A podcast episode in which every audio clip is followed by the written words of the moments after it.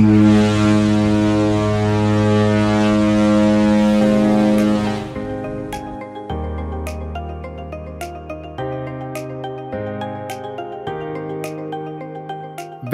er gået i gang, og de politiske partier samt hundredvis af håbefulde folketingskandidater er på banen med det deres bud på en bedre fremtid for nationen.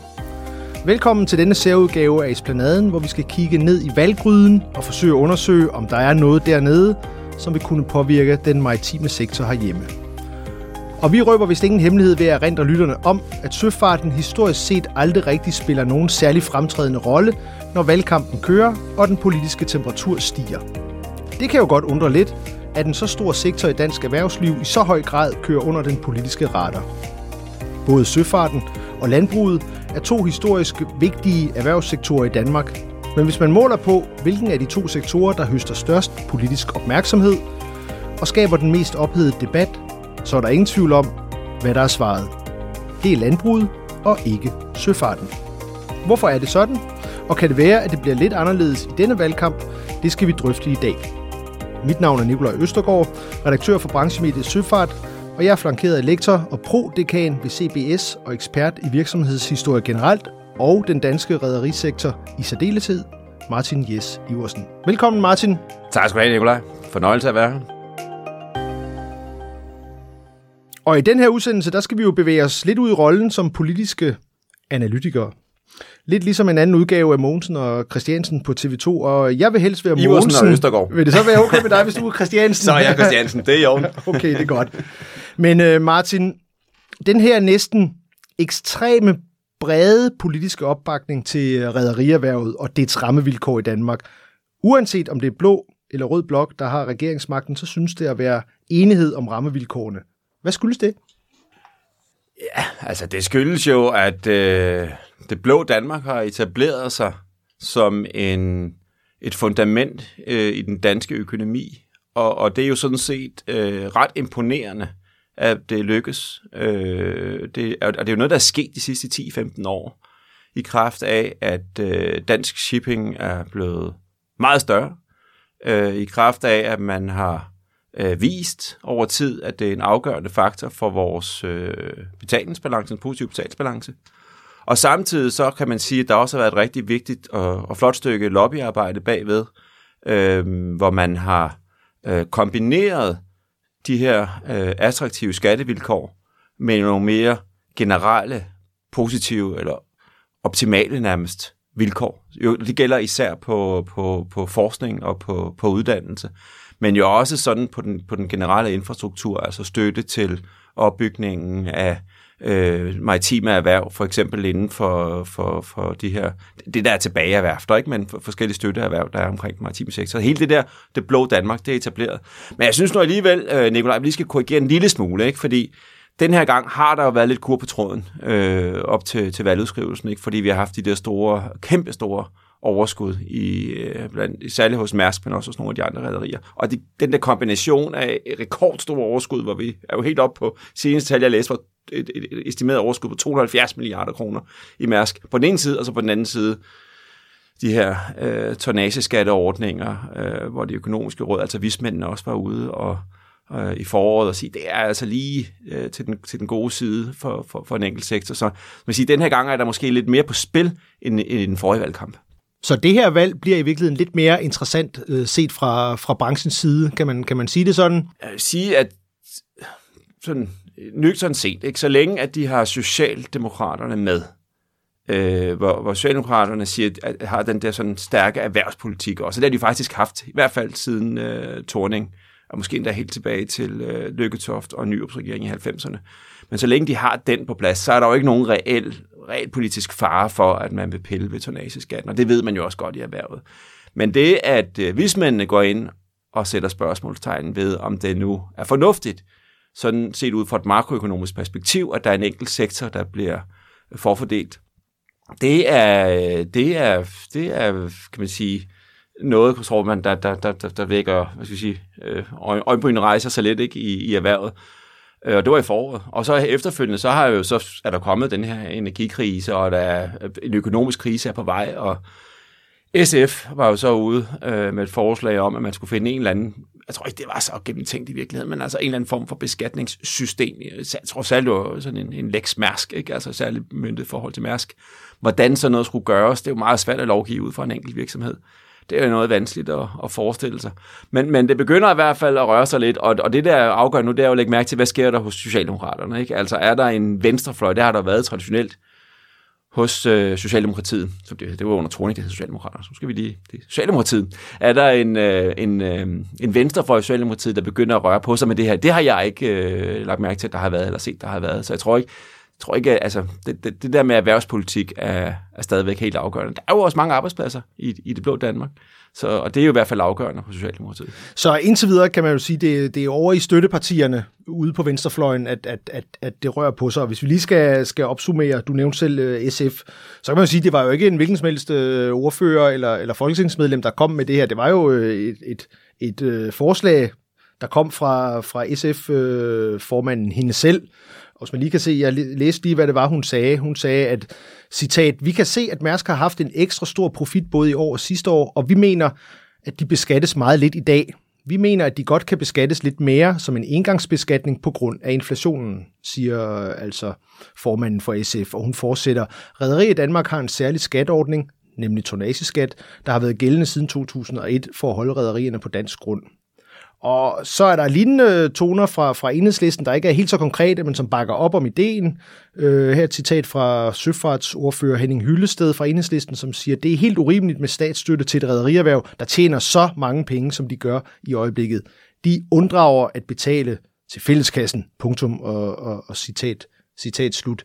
Så det, i og med, at vi taler om, om, om to støttepartier for en mulig øh, socialdemokratisk ledet øh, regering, så er det vel ikke øh, et urealistisk scenarie at forestille sig, at, at, at, at der kommer nogle ændrede toner fra regeringen, og dermed også en forskel på en, på en blå og en rød regering, eller hvad? Nej, jeg tror så længe, at det holder sig til støttepartierne, og så længe det er så ukonkret, som det er. Fordi hvis du lægger med til, så er der jo rigtig meget, at vi mener i det der citat, du kom med fra Pia Olsen Dyr. Ikke? Altså det, der, det skal være noget mere konkret, før det bliver realistisk. Og, og det der med at beskatte en, en enkelt virksomhed ud fra enkelte år, er jo også øh, udfordrende, kan man sige. Ikke? Jeg tror nok, de vil hive sig lidt i håret inde i, i uh, centraladministrationen, hvis de skulle omsætte det her til, til konkret lov. Ikke? Øh, og så skal man jo også, altså der er jo flere ting i det, ikke? Men, men noget af det første, vi skal huske på, det er jo, at det cykliske øh, ved, ved det her erhverv, ikke? Altså, det, det går virkelig op og ned. Ikke? Og vi har jo siddet og talt om, også med Peter Sand forleden dag, at øh, de mørke skyer, de strækker sig sammen i containerbranchen, ikke? Øh, eller containersegmentet. Og, og det er jo det rekordhøje overskud. Ja, nu. Hvordan ser det ud i 24? Jeg tror også, det bliver flot i 23. Hvordan ser det ud i 24? Hvordan ser det ud i 25? Rekordhøje overskud har historisk vis nogle gange og blevet oversat til rekordhøjst underskud i, i, øh, øh, i, i, i shipping. Og det kunne også sagtens ske den her gang. Og hvis man så står med noget lovgivning for det, man har lavet der, og det, det tager noget tid at få det på plads, og pludselig så ser det helt anderledes ud. Det er det ene problem. Det andet problem, det har jo faktisk også været med i podcasten tidligere, ikke? med Anne Steffensen. Der er jo nævnt for os, da vi talte med hende, at øh, det helt afgørende for konkurrencekraften i dansk shipping, er jo, at man har det, der hedder øh, level playing field. Altså, at dansk søfartserhverv har de samme rammevilkår, eller tilsvarende rammevilkår med de lande, som vores rædderier er oppe og konkurrerer imod. Og det som, jeg ved ikke om du kan huske det, Nicolaj, men det som Anne sagde til sidst i vores interview, det var jo, at hvis de andre lande blot gik med, jamen så kunne hun da godt se, at man kunne kigge på de her ting, men så længe at det vil være Danmark, der gik solo, med for eksempel en revideret tonnageskat, så er det gift for sektoren. Og det er jo rigtigt, fordi at det her, det er jo det, og det, og det klassiske argument, det er en fuldstændig globaliseret branche, og de her øh, rædderier, de vil med et knips med fingrene være i stand til at flytte de aktiver ud øh, og endda i sidste øh, en scene også deres øh, hovedkvarter ud til, til andre lande, hvor de har bedre vilkår. Det, det kan gå meget, meget stærkt. Og der har vi jo en historik i Danmark, som skræmmer lidt. Ikke? Vi var jo faktisk ved at miste vores øh, søfartserhverv i midten af 1980'erne, og faktisk så var det tæt på at gå, gå helt galt der i 86-87, hvor det virkelig gik stærkt måned for måned med udflagningen af de danske skibe. Og dengang, der reagerede man jo så prompte fra politisk hold ved at indføre øh, DIS, altså det danske internationale skibsregister, som jo gjorde, så, at man igen fik sådan en konkurrencedygtighed på, på, øh, på, for sektoren, også internationalt. Dengang havde man Socialdemokratiet imod sig. Og dengang der var der virkelig et, et, et, et sværslag imod på den ene side det venstreorienterede, med arbejderbevægelsen bag sig på den anden side, den borgerlige fløj, som så selvfølgelig havde rædderiet erhvervet med sig. Og der kan man sige, der trak partierne, centrumdemokraterne dengang, radikale, over øh, på den borgerlige fløj og sørgede for, at der var et flertal til den side. Og siden har man så udbygget, kan man sige, ordningerne, øh, ikke mindst med sonageskatten fra 2002, men jo også med andre former for, for gode rammevilkår. Og man kan sige, at diskussionen i Danmark politisk har i virkeligheden handlet om, hvordan skaber vi en førende maritim øh, nation i Danmark. Altså det er jo simpelthen været en, en altså erhvervspolitik, hvor man har lavet forskellige vækstplaner, blå vækstplaner fra Erhvervsministeriets side, hvor man siger, hvad er det for nogle tiltag, der skal til, for at Danmark er ude og konkurrere med Singapore og med øh, Norge selvfølgelig, med Holland og med, med andre øh, sådan traditionelle maritime nationer. Så, så dansk internationalt skibsregister er ikke en idé, der er groet i øh, Socialdemokraternes øh, baghave dengang tilbage i 1980'erne, men de har så alligevel skiftet holdning og bakker nu op om, om det meget fordelagtige rammevilkår for, for, for erhvervet. Er det det, der er historien? Det er historien. Altså, øh, Socialdemokratiet, de kommer jo fra jeg vil sige, fra en, fra, fra en meget tæt tilknytning til, øh, til fagbevægelsen der i 70'erne og 80'erne. På det tidspunkt,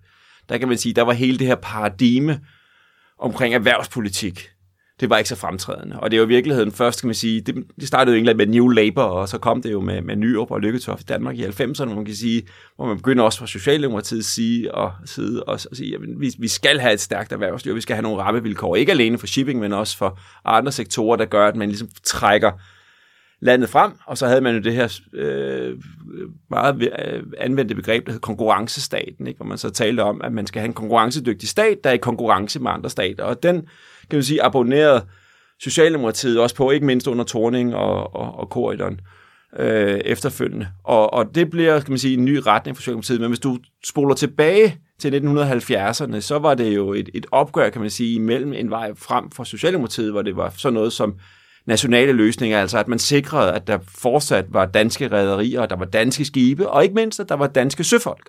Så, så de der diskussioner, der var i midten af 80'erne, det, det var jo på et tidspunkt, hvor der stadig var rigtig mange danske øh, søfolk ude på skibene, mange flere end der er i dag. Og udgangspunktet var så en meget stærk fagbevægelse. Jeg ved ikke, om du kan huske den. Det var det der parti, der hed Fælles Kurs med, øh, hvad hedder han, Møller Hansen, ikke? Møller, Møller Hansen, ja, ja, ja sømandsposten der, ikke? Ja. Og nogle meget, meget sådan, og de var jo ikke engang, de var jo ikke socialdemokrater, de, det var jo meget længere til venstre, ikke? Men det var jo dem, der råbte rigtig højt dengang. Og det var øh, også et socialdemokrati, der, havde, der, der stadigvæk havde de der meget, meget tætte bindinger til, øh, til en fagbevægelse, der jo opfattede sig selv i, i en, øh, en, en, en modsætning til, til det borgerlige Danmark og til, og til erhvervslivet. Det er mere nuanceret i dag. Nu er det jo sådan, at du har meget aktive socialdemokratiske erhvervsministre, der stiller sig i spidsen for konkurrencedygtighed og for, at du kan få konkurrencedygtige erhverv. Og så gør de det selvfølgelig efter deres opfattelse på en måde, så det er i balancegang med en udbygget velfærdsstat. Men, men jeg tror nok, man kan sige, at, at konsensus er nu anderledes end dengang i, øh, i, i, den der, i centrum venstre i dansk politik. Men du nævnte jo før, at, at, at man kunne spekulere i, om der stadigvæk var en, en, en venstrefløj i Socialdemokratiet, der kunne, øh, der kunne have et lidt, uh, lidt skeptisk blik på, uh, på, på rammevilkårene. Og det er vel det, du taler om der. Det er vel en reminiscens fra dengang, øh, hvor der var modstand mod, øh, mod Dansk International Skibsregister et sted i Socialdemokratiet. Ja, så den kan vel eksistere endnu den et eller andet sted, og måske aktiveres af, og den kunne af nogle aktive aktiveres. støttepartier, der nu går hårdt mod Mærsk. Ja, og hvis, det, hvis, hvis vi nu sagde, at det fortsatte i 3-4 år med de der øh, helt ekstraordinære øh, høje overskud hos Mærsk, så kunne man jo sagtens forestille sig, og, og, og, og du så også har øh, vismænd, der siger det samme, så på et tidspunkt, så vil man også sige, er det, her, er det her rimeligt? Og det kan man jo også diskutere. Altså, vi to, vi er jo temmelig blå, og vi, vi sidder jo her med, jeg, jeg forsker i, i området, og du sidder med søfart, så selvfølgelig kan vi jo godt se pointen med, at det skal være ordentlige øh, konkurrencevilkår for dansk søfart. På den anden side, så kan jeg da også godt forstå argumentet om, at det er underligt, at du har en sektor, som kontinuerligt vil sige, får så øh, fordelagtige rammevilkår år efter år, hvis de hiver de her kæmpe store overskud hjem, og hvis man på en eller anden måde kunne skrue noget sammen, således at de fortsat kunne være konkurrencedygtige, men, men, at de, men det ligesom fik, taget, fik skåret toppen af overskuddene i. Jeg tror, det handler om, og det har vi også talt om før, Nikolaj, det her det handler om, at når, når Mærsk går ud og får så store overskud, som de har gjort her, så er det, det, det vi sige, at det er overskud, som forpligter. Og det, der er rigtig vigtigt nu, det er også, at de overskud det bliver omsat. Og hvad er det så, de kan omsættes til? Jamen, det er jo især den grønne omstilling. Det vil sige, at de her ledende danske rædderier, de nu går i front og sørger for, inden politikerne kommer og kræver det af dem, at de får investeret de kæmpe store milliardbeløb, der skal til i øh, nye skibstyper, nye brændstoftyper, ny infrastruktur, hele den der gigantiske investering, som der skal til i de kommende år. Og det, og det synes jeg også, at det er det, vi ser. Øh, vi, vi har lige her forleden dag fået nyhed om, at øh, Mærsk har kontraheret yderligere seks skibe til deres nye øh, flåde, der kan sejle med to forskellige øh, typer, altså både med hydrogen og med diesel øh, således at de er oppe på, hvad bliver det, på 19 skibe nu i den nye flåde, ikke? Og, og, det, og det er jo det første skridt, og samtidig så er der jo store investeringer, for eksempel i øh, det her Zero Carbon Center, Mads McKinney Møller Center, som er blandt andet betalt af, af AP Møllers fond. Så der er selvfølgelig, altså der er heldigvis store investeringer, der er meget på vej. Og samtidig så kan man sige, så går Mærsk sig jo også klar til, øh, til en ny øh, en ny øh, ver- verden, hvor, hvor, hvor det der med at, at flytte container ikke længere er så lukrativt, men hvor de er gået ind i logistik, hvor de laver end-to-end løsninger. Og hvis du så kan kombinere de der end-to-end løsninger med grønne løsninger, jamen så begynder vi jo at snakke, ikke? fordi så er det jo virkelig en, en ambitiøs dagsorden for en fuldstændig fundamental sektor i verdensøkonomien, nemlig logistik, og, og, og det vil sige, det er en grøn dagsorden for, for logistikken. Og der kan man sige, hvis Danmark ligesom kommer langt foran der, så tror jeg, at de, langt de fleste politikere vil, vil klappe hænderne. Og hvad er det, du siger der? Siger du, at der er en eller anden form for udtalt handel, skråstreg, aftale eller en stilstigende forståelse mellem Christiansborg og Esplanaden om, at, at, at vi gør ikke noget, men I viser, at I bruger overskud til, til noget, vi gerne vil, nemlig grøn omstilling, og tager føretrøjen på den front, og så har vi egentlig en, en form for for fælles forståelse. Er det, er det, kan man tale om det? Jeg, jeg synes, jeg, jeg vil måske kalde det for en forventning, ikke? og det synes jeg er en berettiget forventning om, at når der er så store overskud, og der er så lukrative skatteforhold, og vi samtidig øvrigt også har fondstrukturen i ejerskaben, så er der en forventning om, at en stor del af de her utrolig store overskud, de bliver reinvesteret i den grønne omstilling. Og samtidig så kan man sige, det er jo heller ikke så svært fordi den øh, ledelse, der er i de store rederier, det er ikke kun Mærsk, vi taler om her, det er jo også Norden, det er også Torm, og det er også de andre, de er jo med i de her store alliancer, at øh, de er jo fuldstændig med på, at det er den vej, verden går, og i øvrigt så er de også med på, at det er en god idé, også forretningsmæssigt, fordi du kan, du kan skabe nye forretningsmodeller ved at skabe de nye løsninger, som er svarende på klimakrisen. Og det, og det, der i virkeligheden er helt afgørende, det her, det er jo, at kunderne, to ting. Det ene er, at kunderne driver den udvikling, således at der er en efterspørgsel efter den type af transport, som er dyrere end almindelig transport. Og den anden ting er, at det, det internationale politiske niveau, altså den internationale regulering, og ikke mindst IMO-reguleringen på et globalt niveau, også trækker i den retning. Altså uden de to, så er den tredje, kan man sige, investeringsvær. Ikke? Vi, skal, skal både på den ene side have efterspørgselen på plads, der skal være øh, forbrugere derude, der efterspørger grøn transport, således at der også er virksomheder, der efterspørger det, og samtidig så skal der også være en regulering, der trækker den retning. Og det er jo også noget af det budskab, du har set fra, fra McKinsey, eller fra, fra McKinsey, fra Mærsk, uh, Zero Carbon Center, at det, der, det, det virkelig handler om nu, det er jo også at få, uh, få, få reguleringen på plads, således at den, det store efterslæb, der er økonomisk ved at gå foran som rederi, at det bliver udlignet øh, først i det øjeblik, så hænger det her sammen. Ikke? Og der kan man sige, et argument for at fastholde, øh, hvad hedder det, øh, en, en, en, en, en lukrativ skatteordning i Danmark, og dermed også et stærkt dansk rederierhverv, er jo også, at så er der en dansk stemme i IMO. Altså så er der en stemme, der går ind og trækker IMO i den grønne retning. Så det er der også en forventning om på politisk niveau. Altså at de danske rederier og den danske branche er aktiv og trækker hele den globale regulering så meget de kan, og i alliance med andre øh, like-minded, som vi siger, altså øh, shipping-nationer, som, som, som ser lige sådan på det, trækker det i den grønne retning. Så Martin, hvis vi lige skal, skal træde skridt tilbage, og så hen et sted, hvor vi kan lave et facit med, med, med to streger under, så fortalte vi om, at, at, at der er lidt politisk uro øh, på grund af nogle, nogle ret lukrative, øh, ret gyldne overskud fra, fra de danske rædderier. Kan vi så, kan vi så sige som, som, som konklusion, at når SF og Enhedslisten rører på sig på den måde, så er det mest øh, valgkampsretorik, og det er en smule det er øh, lidt varm luft i betragtning af, at det kommer ikke til at ske, fordi øh, hos Socialdemokratiet, og ikke mindst i Socialdemokratiets top, der står man vagt om, øh, om, om de danske øh, rædderiers rammevilkår. Så der kommer ikke til at ske noget. Tør du, tør du sige det? Ja, altså, jeg vil ikke sige, at det er varm luft. Jeg vil sige, at det er en advarsel. Og det er en advarsel, man skal tage alvorligt. Fordi øh, man, man begynder jo, og de, og de pirker jo også til socialdemokratiske vælgere, ikke? Så siger, hvad nu, hvis man skal herover have den, den ægte røde politik, og hvis man virkelig er farvet, som der sikkert er mange, der er derude, over de der helt vilde overskud i en tid, hvor, hvor folk ikke kan betale deres øh, naturgasregninger, og hvor inflationen galopperer afsted, jamen så, er, så, så, skal sige, så presser man jo også fra støttepartierne Socialdemokratiet, og når Socialdemokratiet bliver presset her, jamen så er det jo, så på et tidspunkt hvor de jo også sige, nej, nu, nu bliver vi simpelthen nødt til at reagere på det her, hvis ikke vi har nogle rigtig, rigtig gode argumenter. Og det er jo der, man vil sige, lobbyisterne kommer ind i billedet, for der skal de jo ind og fodre de her politiske ordfører med nogle gode argumenter.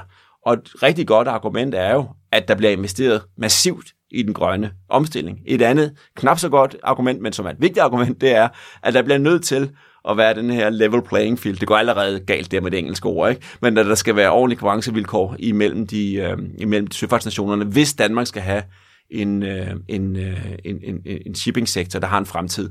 Og så er vi jo i virkeligheden tilbage ved det der med, om, om at, at, at et, et andet argument for at have det her ordning, det er jo det der med en del af vores nationale identitet.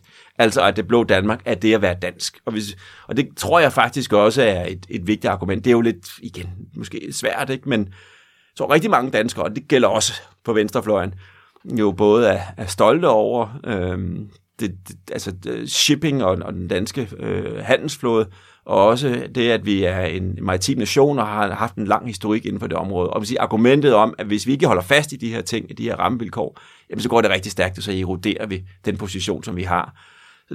Og, og der kan man sige, så, så er det jo også en del af vores identitet, som vi eroderer. Ikke? Og det kan godt være, at der er en hel masse vælgere derude, der er fløjtende ligeglade. Og det er også rigtigt, som du siger, det er jo ikke så fordi, der bliver diskuteret shipping særlig meget i, i valgkampen. Men jeg tror nu alligevel, at det of the dag, så i, sådan, øhm, i forhold til vores identitet som danskere, tror jeg ikke, at man skal undervurdere sådan den, den blå dimension. Den grønne dimension er der bestemt også med landbruget, men den blå dimension er vigtigt. Jeg var selv meget overrasket tilbage i 2012, hvor jeg tilfældigvis var på Esplanaden den dag, øh, Mads McKinney Møller gik bort. Og øhm, jeg ved ikke, om du kan huske det, Nikolaj, men det var jo sådan den dag, at, øh, at, at, at, at danskere tilfældige danskere samledes jo og var chokeret over det her. De lavede sådan nogle voxpops, ikke? Øh, noget, der virkelig gjorde indtryk på mig, da jeg var derinde, var, at der var en af de her voxpop, der var simpelthen helt almindelig dansk far, der kørte med sin barnevogn ned ad Amalegade og fik besked om det her, og så simpelthen fik tårer altså, øh, i, i øjnene, fordi Mads McKinney Møller var gået bort. Begge danske nationale tv-kanaler ryddede sendefladen og sendte ekstra udsendelser kl. 20 den aften.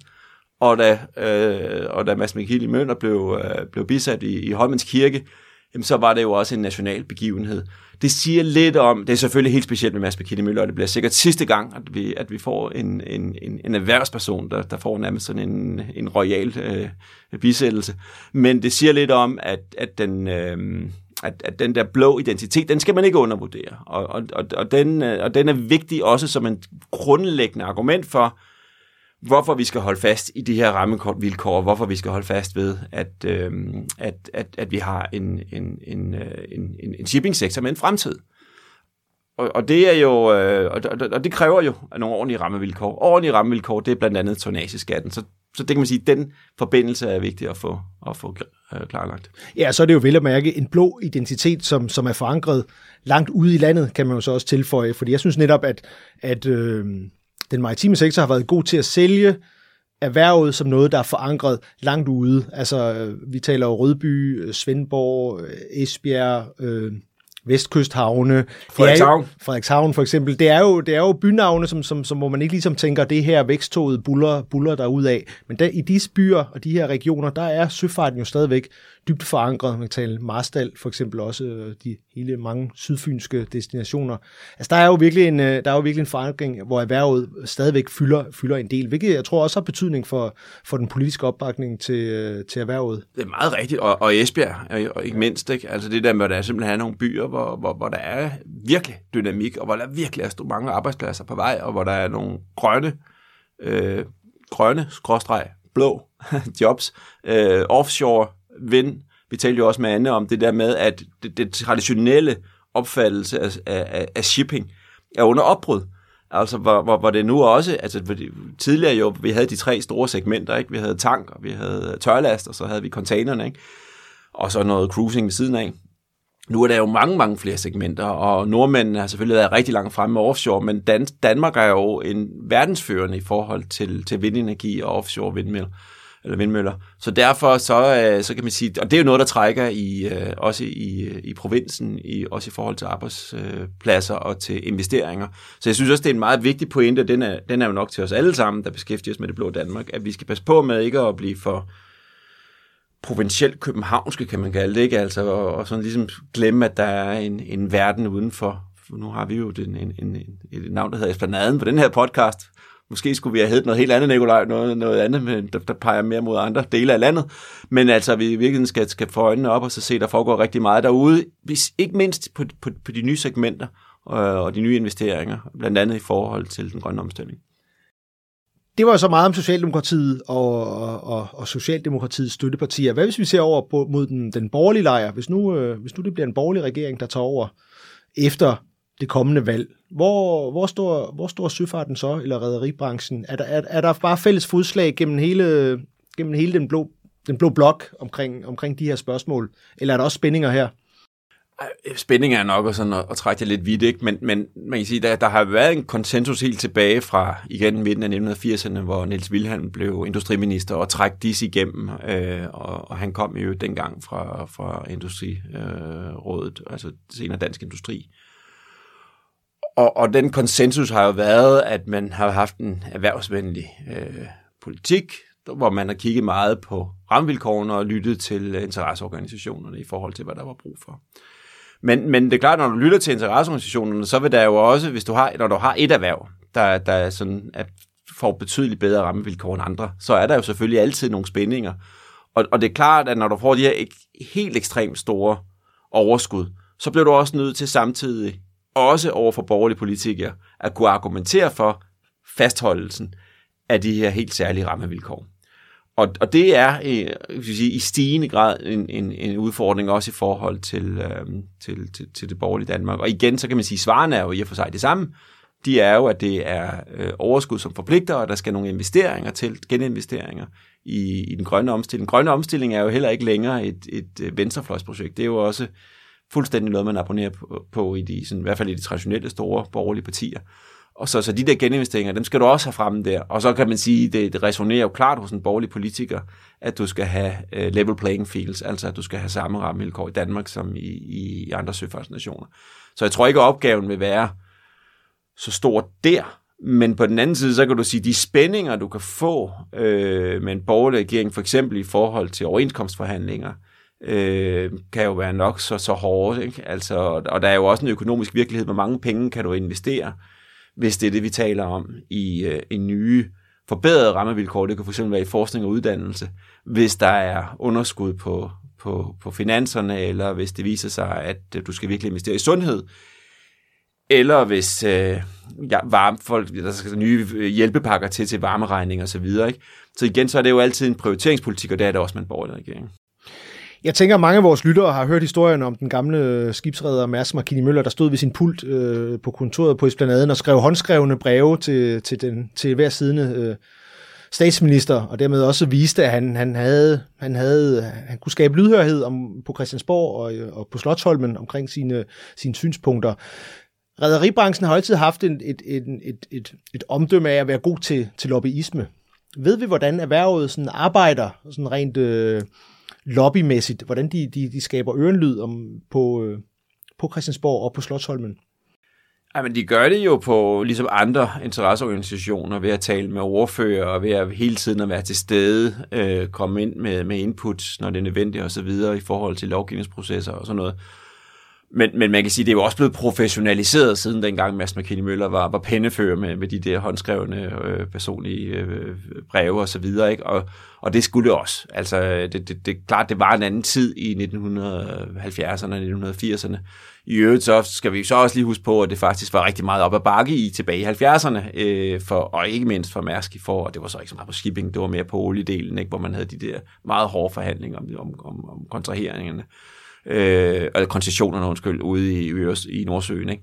Men øh, i dag, der, der er det professionaliseret, der er det jo, altså da man trak øh, Anne Steffensen ind, som vi jo har haft fornøjelsen af at vende og tale med i vores podcast, da man trak hende ind med hendes erfaringer fra andre sektorer, Så ændrede man jo også navn fra Rederiforeningen til, til Danske Rederier.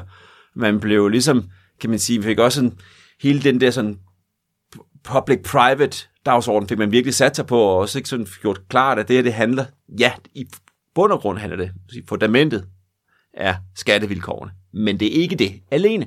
Der er en hel masse andre ting, som er vigtige her. Der er sikkerhed. Altså, hvad er det, vi gør med pirateri, for eksempel? Hvordan kan danske politikere være med til at løse de udfordringer, der er i forhold til pirateri og andre former for, for sikkerhed? Der er miljødagsordenen. Hvordan kan Danmark stille sig i spidsen i en public-private partnership-model for den grønne omstilling? Ikke alene her i landet, for det, det nytter ikke særlig meget. Vi, vi kommer ikke til at have nogen grøn omstilling i Danmark, der virkelig batter, men globalt. Nu nu vi har verdens 6. største øh, shipping-nation mål på, på opereret tonnage. Hvordan kan vi så stille os i spidsen for den udvikling, når nu det, det største containeri, i hvert fald indtil for nylig, ligger i, i København? Hvordan kan vi så sørge for, at, at, at der bliver trukket globalt i den retning? Og selvfølgelig også i forhold til forskning og uddannelse.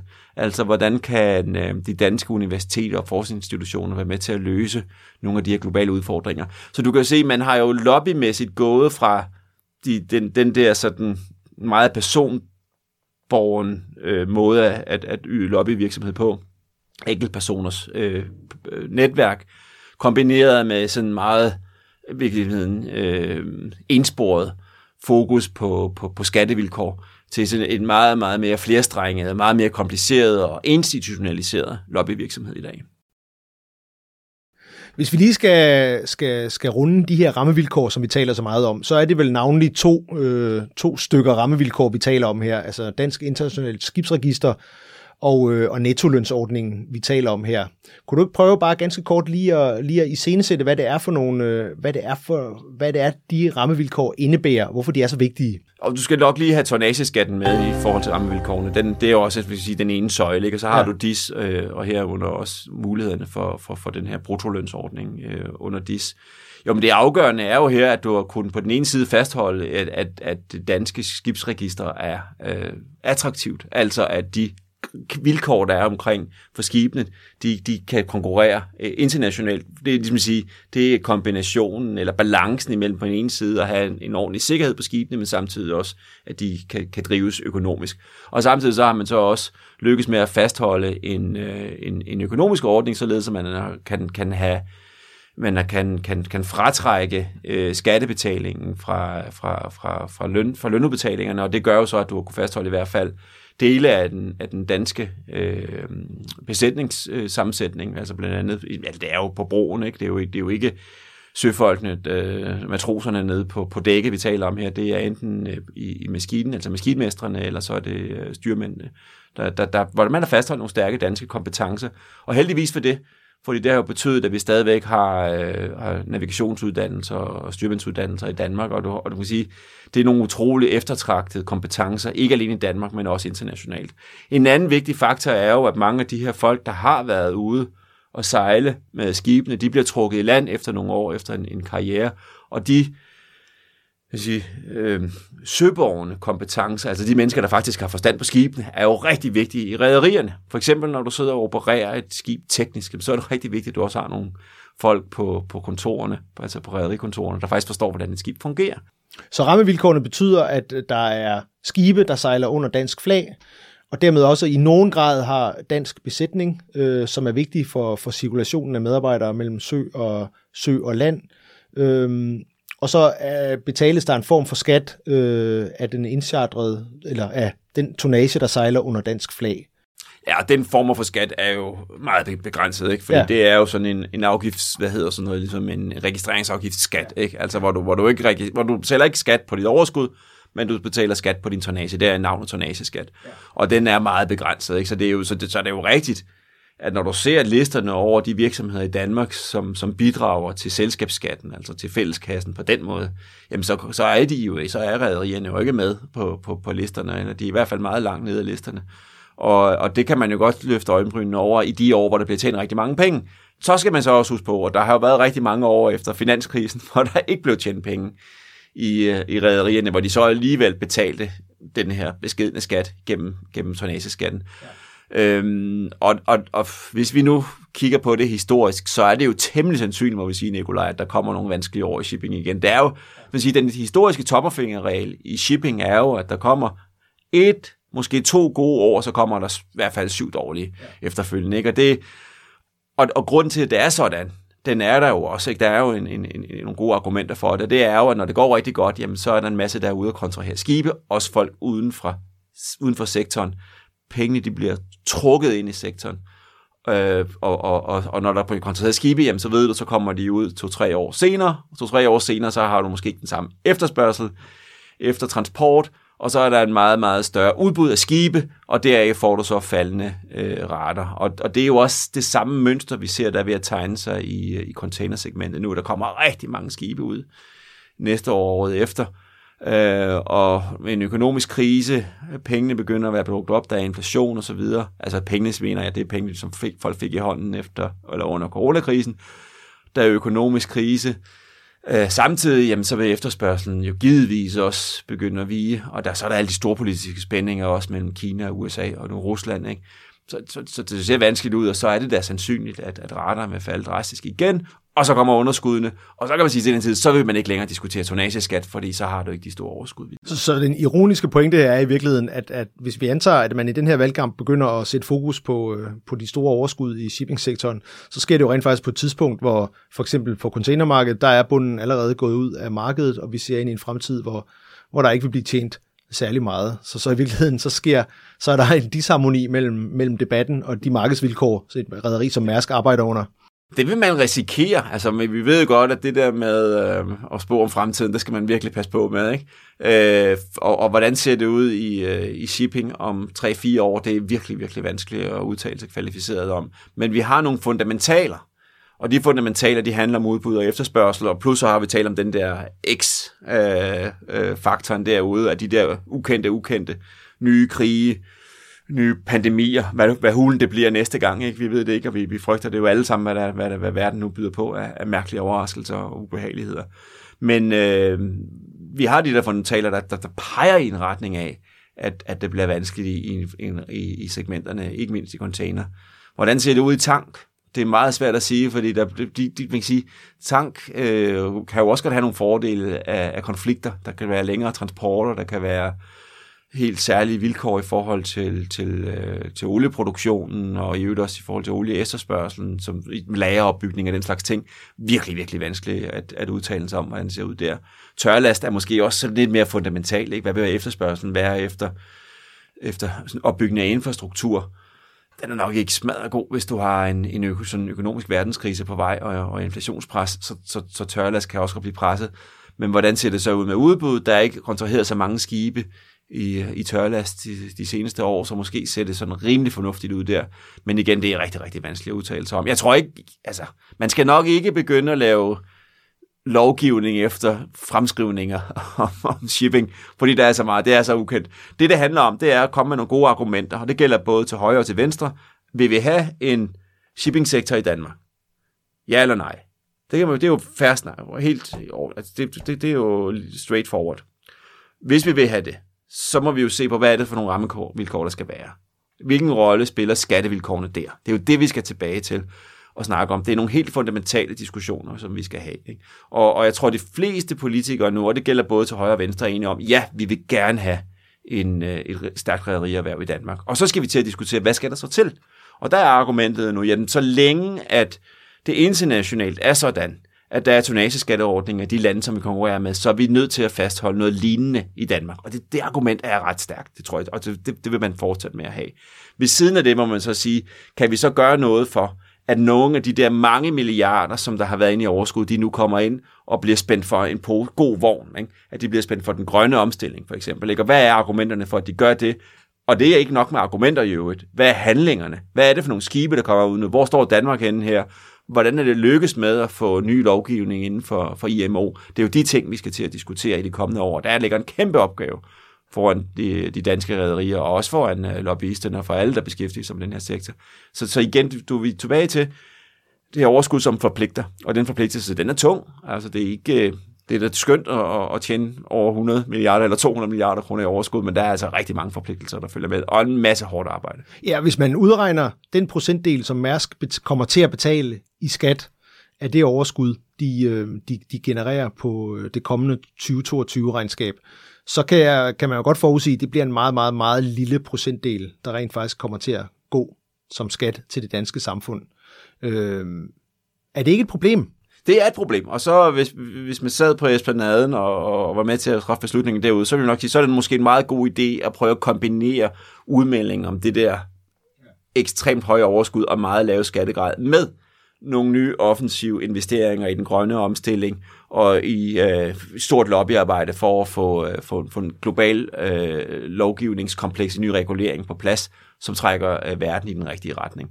Så, så, så man kan sige, og det har de faktisk også været ret dygtige til, når der har været de her debatter blandt andet fra, fra, fra, fra vismændene, øh, og, og diskussioner om, at er det nu rimeligt, det der foregår i en blå så har de jo også samtidig hos Mærsk og i, i det hele taget i sektoren været meget offensive, og også offentligt i forhold til øh, at, at, at, at fortælle offentligheden om, hvad er det, der foregår i de her investeringer, hvordan er det for nogle store projekter, man er øh, med, hvad er det for nogle alliancer, man nu laver for eksempel med Ørsted og med en række aktører for at få lagt en infrastruktur med Power to X, lagt en infrastruktur i forhold til alternativer, lagt en virkelig ambitiøs øh, handlingsplan i forhold til, hvornår man er CO2-neutral osv. Så, så det er jo det der med at kombinere de her ekstremt høje overskud med en kommunikation, som bygger på handling, om hvor er det, man står hen i forhold til den grønne omstilling, altså at man driver omstillingen også globalt. Nu nævner du vismændene, og hvis vi lige skal runde af med, med at lige at, at, at, at, at give et par ord til, til vismændenes kritik, hvad skal vi så mene om det? Fordi det er jo noget helt andet, end at de politiske støttepartier for den socialdemokratiske regering begynder at, at, at, at, at føre valgkamp på det her. Vismændene er jo en, en meget upolitisk platform, som jo så lige pludselig går ud og siger, at øh, det her er jo en, en, en, en statsstøtte, og vi er som udgangspunkt ikke tilhængere af statsstøtte i, øh, i Vismandsinstitutionen. Øh, hvorfor, hvorfor går vi ikke over til at lade, lade rædderiet betale almindelig selskabsskat? Øh, hvor, hvor, hvor bekymret vil man være over det i, øh, i rædderierhvervet? men jeg tror da, at man, man, man tager det da alvorligt. Vi skal, vi skal lige have lidt historik her, ikke? fordi faktisk så er det jo ikke nyt. Der, der har været sådan en kontinuerlig øh, skal vi sige, kritik øh, fra, fra vismændene af, af tonageskatten, og, og den går jo faktisk, så den har også været i, i Norge, hvor man lavede nogle store beregninger i Norge, der viste, at det var faktisk bedre for samfundet at slippe, på det tidspunkt i hvert fald, det maritime erhverv, og, sige, og så lade de mennesker, der uddannes til den sektor, og som skaber værdi i den sektor, gå ind i andre erhverv, hvor de så betaler selskabsskat og bidrager på andre måder. Det lavede man beregninger tilbage i Norge, det blev meget diskuteret deroppe for 10-15 år siden. Der var også, øh, det blev man inspireret af i Danmark, og så har man haft den samme diskussion et par gange i Danmark. Og nu, og det popper op igen, når, når, når overskudene er meget høje i, øh, i den maritime sektor. Det var så tilbage til før finanskrisen, der i 2006 og 2007, den var op sidste gang. Og det kommer den også til at gøre en gang til, når, når det sker igen med, øh, med, med kombinationen af tonnageskat og lukrative forhold, samtidig med, at du har nogle ekstremt høje overskud i erhvervet. Det er klart, at du har den kritik fra vismændene, fordi de sidder jo med de makroøkonomiske briller og laver beregninger. Og når du laver den slags beregninger, jamen, så kan du jo se, det, er jo, det, det giver jo ikke mening, at du har et erhverv, der bliver øh, der får så lukrative forhold, når du har en, en, en andre erhverv, der skal betale skat, og, og det her med, hvor ligger du kræfterne hen i samfundet, der skal du lægge dem hen imod der, hvor du bidrager til samfundet gennem skattebetaling. Det er sådan makroøkonomisk logik, og det kan du godt vise igen og igen, også gennem beregninger. Problemet ved den type beregninger er netop, at de er makroøkonomiske. Altså, hvor har vi de mikroøkonomiske aspekter her? For eksempel i forhold til, at de her erhverv, hvordan bidrager de ellers ud over selskabsskat? Jo, men de bidrager jo også indirekte, for eksempel igennem øh, de afledte effekter, der vil være øh, fra, fra erhvervet. Det kan jo være for eksempel investeringer i øh, R&D, altså forskning og udvikling. Det kan være igennem drive den grønne omstilling, det kan også være igennem alle de indirekte, øh, øh, det man kalder for klyngeeffekter eller klostereffekter, altså øh, de bidragende erhverv, der er omkring det blå Danmark. Så, så den, hele det der regnestykke er ekstremt komplekst. Og den diskussion har man jo taget flere gange. Man kan sige, konsensus er jo nu, vi vil gerne have en blå klynge i Danmark. Vi vil gerne have et stærkt rædderierhverv. Men vi vil jo kun have det, så længe at der er gode argumenter for at have det. Og øh, det måske stærkeste argument, vi har nu, ud over de her økonomiske effekter, det er jo den grønne omstilling. Så derfor så er det så afgørende, at man nu griber muligheden, og så siger, nu er der virkelig midler. Vinduet har åbnet sig. nu er der midler til at få drevet udviklingen, ikke alene nationalt, men også globalt. Og så skal man altså også gøre det, fordi det er jo den måde, du skal svare den kritik, der er blandt andet fra vismændene. Og Martin, til allersidst, så, så lige et enkelt spørgsmål, fordi vi to har jo, har jo hørt om, hvordan under covid-19-panikken øh, i de indledende faser, hvordan rædderierhvervet og ikke mindst øh, AP Møller Mærsk spillede en, en, en rolle sammen med staten i at sikre, at der rent faktisk kom øh, forsyninger af værnemidler for eksempel øh, til Danmark hurtigere, end det måske ellers ville have været muligt. Tror du, hvis vi lige skal runde af, at rædderierhvervet og måske Mærsk i særdeleshed ligesom har oparbejdet en lidt speciel, et, et, et, et, en særlig status på, inde i, øh, i regeringskontorene, i og med, at, at det er en, en virksomhed, der kan vise sig at blive øh, samfundskritisk den dag, vi bliver ramt af, af en ny krise. Hvis du forstår spørgsmålet. Jeg Tror forstår du, godt, at, at, at, ja. ja, jeg forstår godt spørgsmålet, og mit svar er, at der er kommet en række danske virksomheder, ikke alene Mærsk, men en række danske virksomheder, som er blevet så kæmpe store i forhold til vores lands størrelse, at, der, at det er gået op for den politiske øh, arena, at de er helt afgørende for stabiliteten og fremdriften i det danske samfund. Du skal på, Nikolaj, at den danske erhvervsstruktur er jo vendt fuldstændig op og ned de sidste 20 år. Hvor vi tidligere var et land, der var præget af små og mellemstore virksomheder, med nogle enkelte store virksomheder. Men de var ikke engang så store internationalt. Mærsk var måske en undtagelse. ØK hed engang. Rederi var, var, var, jo, var jo det, den største virksomhed dengang. Men de andre virksomheder var ikke så store. I dag, det er kæmpe koncern. Jeg har hørt for nylig, på det tidspunkt, øh, der var Novo Nordisk, havde Novo Nordisk været en tysk virksomhed, så havde det været Tysklands største virksomhed målt på markedsværdi. Ikke? Det siger lidt om størrelsen af de store danske virksomheder. Og de er jo ikke alene Novo Nordisk. Det er også Vestas, der er verdens største vindmølleproducent. Det er bestseller, det er Arla Foods, der er blandt de største øh, mejerier i verden, de største fødevareproducenter i verden. Der er kommet en ny liga af danske virksomheder, som er gigantisk store. Og det er politikerne godt klar over. Og de er også godt klar over, at relationen den der public-private relation, den er helt unik i Danmark i forhold til, at vi er en lille land med meget store virksomheder nu. Det er nyt, men det giver jo også nogle muligheder, og i øvrigt også nogle udfordringer. Lad os lige tage mulighederne først. Muligheden det er jo, at man kan gå sammen om at løse nogle af de store, både nationale, men også globale udfordringer. Nationale kunne jo være for eksempel, at man står i sådan en pandemi. Jamen så kan man gå sammen med nogen, der virkelig, altså virksomheder, der virkelig har poweren, for eksempel Novo Nordisk, til at hjælpe med at, at, at, at få landet gennem de der øh, udfordrende tider. Det synes jeg i og for sig, at pandemien og coronatiden viste rigtig, rigtig fint øh, samarbejde, hvor man, man kan sige, at man også fra virksomhedernes side anerkendte, at det var politikerne, der stod i spidsen, altså regeringen, der stod i spidsen for løsningerne, men man bakkede op, og man sørgede for at hjælpe så godt til, som man kunne med alt det mulige, man havde. Udfordringerne hedder selvfølgelig, at man skal passe på med at være en lille økonomi, der er afhængig af enkelte aktører og enkelte kæmpestore virksomheder. Og den der balancegang imellem at lytte til, men ikke blive drevet af virksomhedernes agenda, den er selvfølgelig helt afgørende, når du, når du står i den situation, at du har så store virksomheder i, i sådan et lille land. Martin, tak for deltagelsen. Jeg har på fornemmelsen af, at vi kommer til at snakke valg igen i, øh, i en podcast i nærmeste fremtid. Tusind tak. Ja, tak skal du have, Nikolaj. Det var en fornøjelse.